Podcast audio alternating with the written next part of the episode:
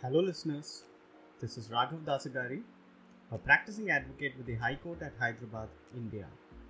I welcome you all to my show on overseas laws only on Radio Nyra, Raleigh, Durham, broadcast on three frequencies 99.9 FM HD4, 101.9 FM, and 1490 AM.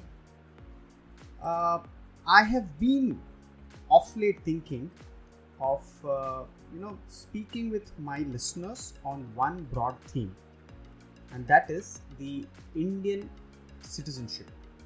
While this is a very large topic in itself and honestly i would not do justice to cover this topic in a single or a couple of talk shows as there are several interesting and important dimensions to this particular theme.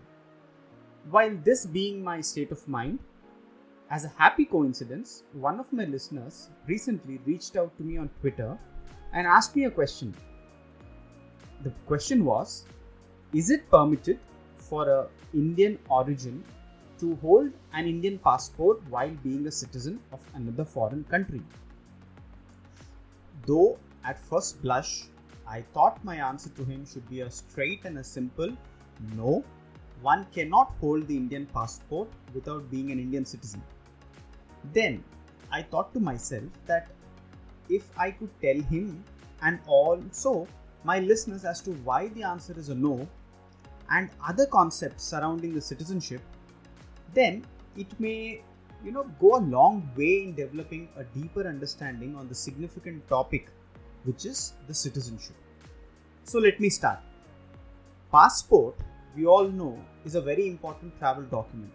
So for a layman, it's a you know a colored booklet either red or blue or any other color with several pages in it having details like your name your spouse name or your father's name the place of your birth the place of issuance of the passport your picture and uh, you know this there are many pages reserved in this booklet for engrossing stamps and visas etc so a passport is actually a document which recognizes and identifies a person as a citizen of the country granting it and is in the nature of a request to other countries for ensuring free passage of every such person so recognized.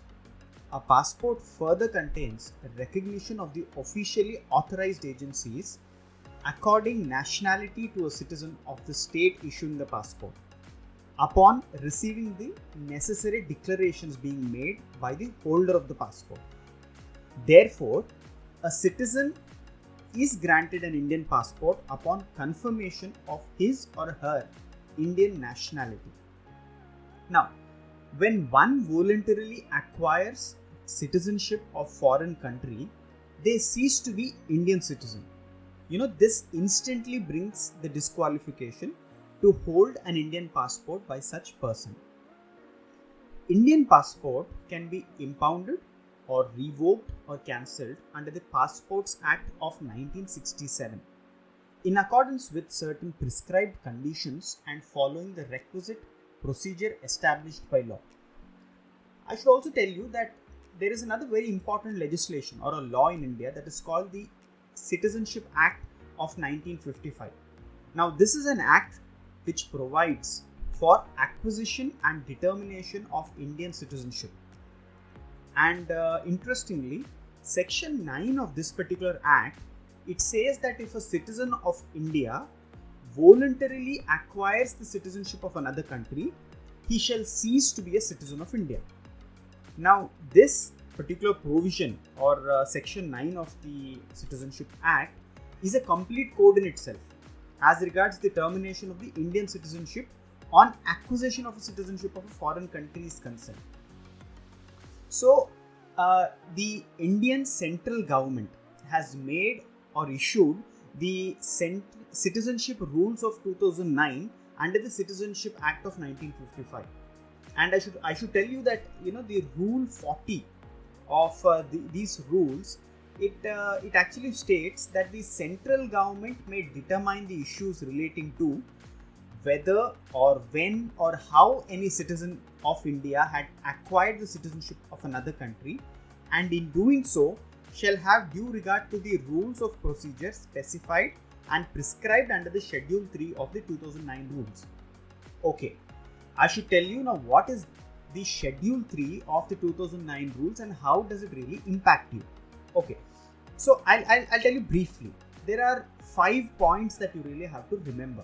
Okay, and that is number one, when or where it appears to the central government that a citizen of India has voluntarily acquired the citizenship of another country, it may require him, that is the government, uh, you know, it may require the person to prove within such period as may be fixed by the government in this behalf that he has voluntarily acquired the citizenship of that country and the burden of proving that he has not so acquired shall always remain or lie on the person. Next, for the purpose of determining any question relating to the acquisition by the Indian citizen of the citizenship of any other country, the central government may make such reference as it thinks fit in respect of that question or any other matter relating thereto to the embassy in that country or to the government of that country and act on any report or information received in pursuance of such reference. So it basically means that the Indian central government, while determining the question whether an Indian citizen has voluntarily acquired the citizenship of another foreign country, during the inquiry of this particular question, the central government can always write or ask uh, the Indian embassy in that particular country or to the foreign government uh, directly asking for information related to this question. Next, the fact that a citizen of India has obtained on any date a passport from the government of any country shall be a conclusive proof of his having voluntarily acquired the citizenship of that country before that date. Okay, so this is quite self explanatory. I don't have to, I feel that I don't have to uh, stress further importance on this particular aspect. Now, I'll move to the fourth point, and that is in determining whether a citizen of India has or has not voluntarily acquired the citizenship of any other country, the central government may take the following circumstances into consideration.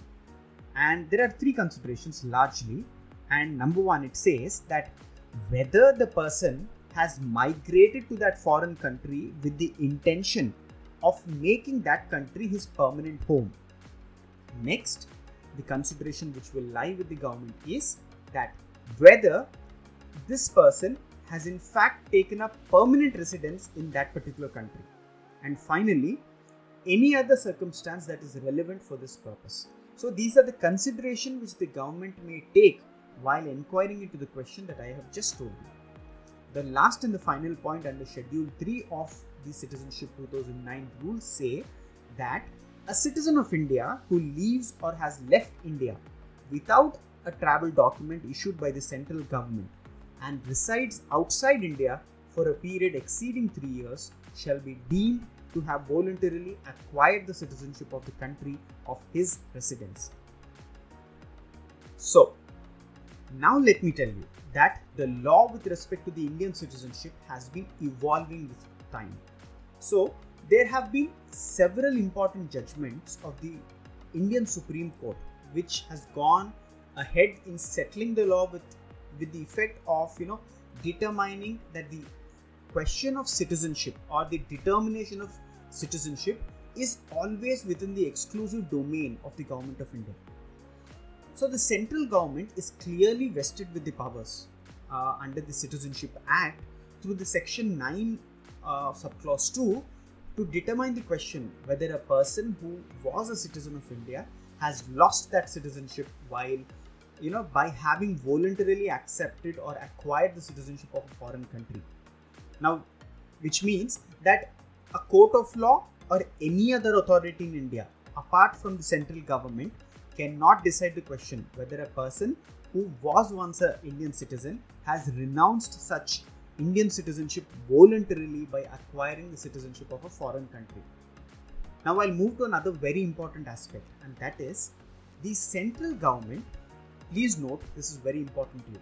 The central government, you know, cannot merely on the acquisition of a passport of a foreign country by a citizen of India, the government of India cannot directly take action such as deporting you or prosecuting you uh, you know, uh, until and unless the central government first decides the question of nationality of the said individual as per the procedure prescribed.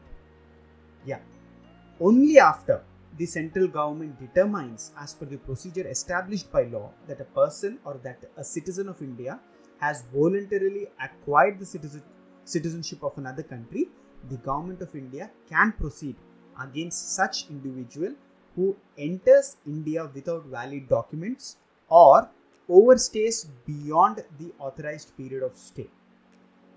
Okay, so the you know uh, this is quite uh, you know common, and that is the issue of citizenship is a closely guarded and a highly regulated aspect for any nation state in today's world. So India is no exception to this rule. So, India is a constitutional democracy which, by law and the constitution, grants people of all faiths, creeds, castes, languages, and genders citizenship. All are equal and without discrimination are Indians. Okay, so the in the Indian legal system, the constitution in Article 5 to 11 deal with provisions relating to citizenship while the Articles 5 to 10 deal with citizenship at the time of coming into force of the Constitution, that is until January of 1950, whereas the Article 11 of the Constitution empowers the Indian Parliament to make suitable law to regulate the right of citizenship. And in fact, it is an exercise of this particular power that the central the, the Citizenship Act of 1955 was brought in force. Now, you may ask me that how does one, you know, acquire Indian citizenship under the Citizenship Act of 1955? So basically, to remember, I would say that there are five ways of how one acquires citizenship, like five fingers to your hand. And that is number one, you acquire citizenship by birth. Number two, you acquire citizenship by descent. That is, those persons who are born outside India to Indian citizen parents. Number three is you acquire Indian citizenship by registration. Number four, you acquire registration by naturalization. Naturalization, that is being ordinarily resident in India for a particular period of time. And five, ultimately, is uh, you know the acquisition of a territory by India. You know, an example could be uh, take Sikkim, for example, or Daman and Diu, these were territories which were annexed to India. Now, prior to the uh, you know the Citizenship Act came into effect, the persons resident in India or born in India at the time of commencement of the Indian Constitution were all considered as Indian citizens. So, we are taking a quick break and we'll be back after these short messages.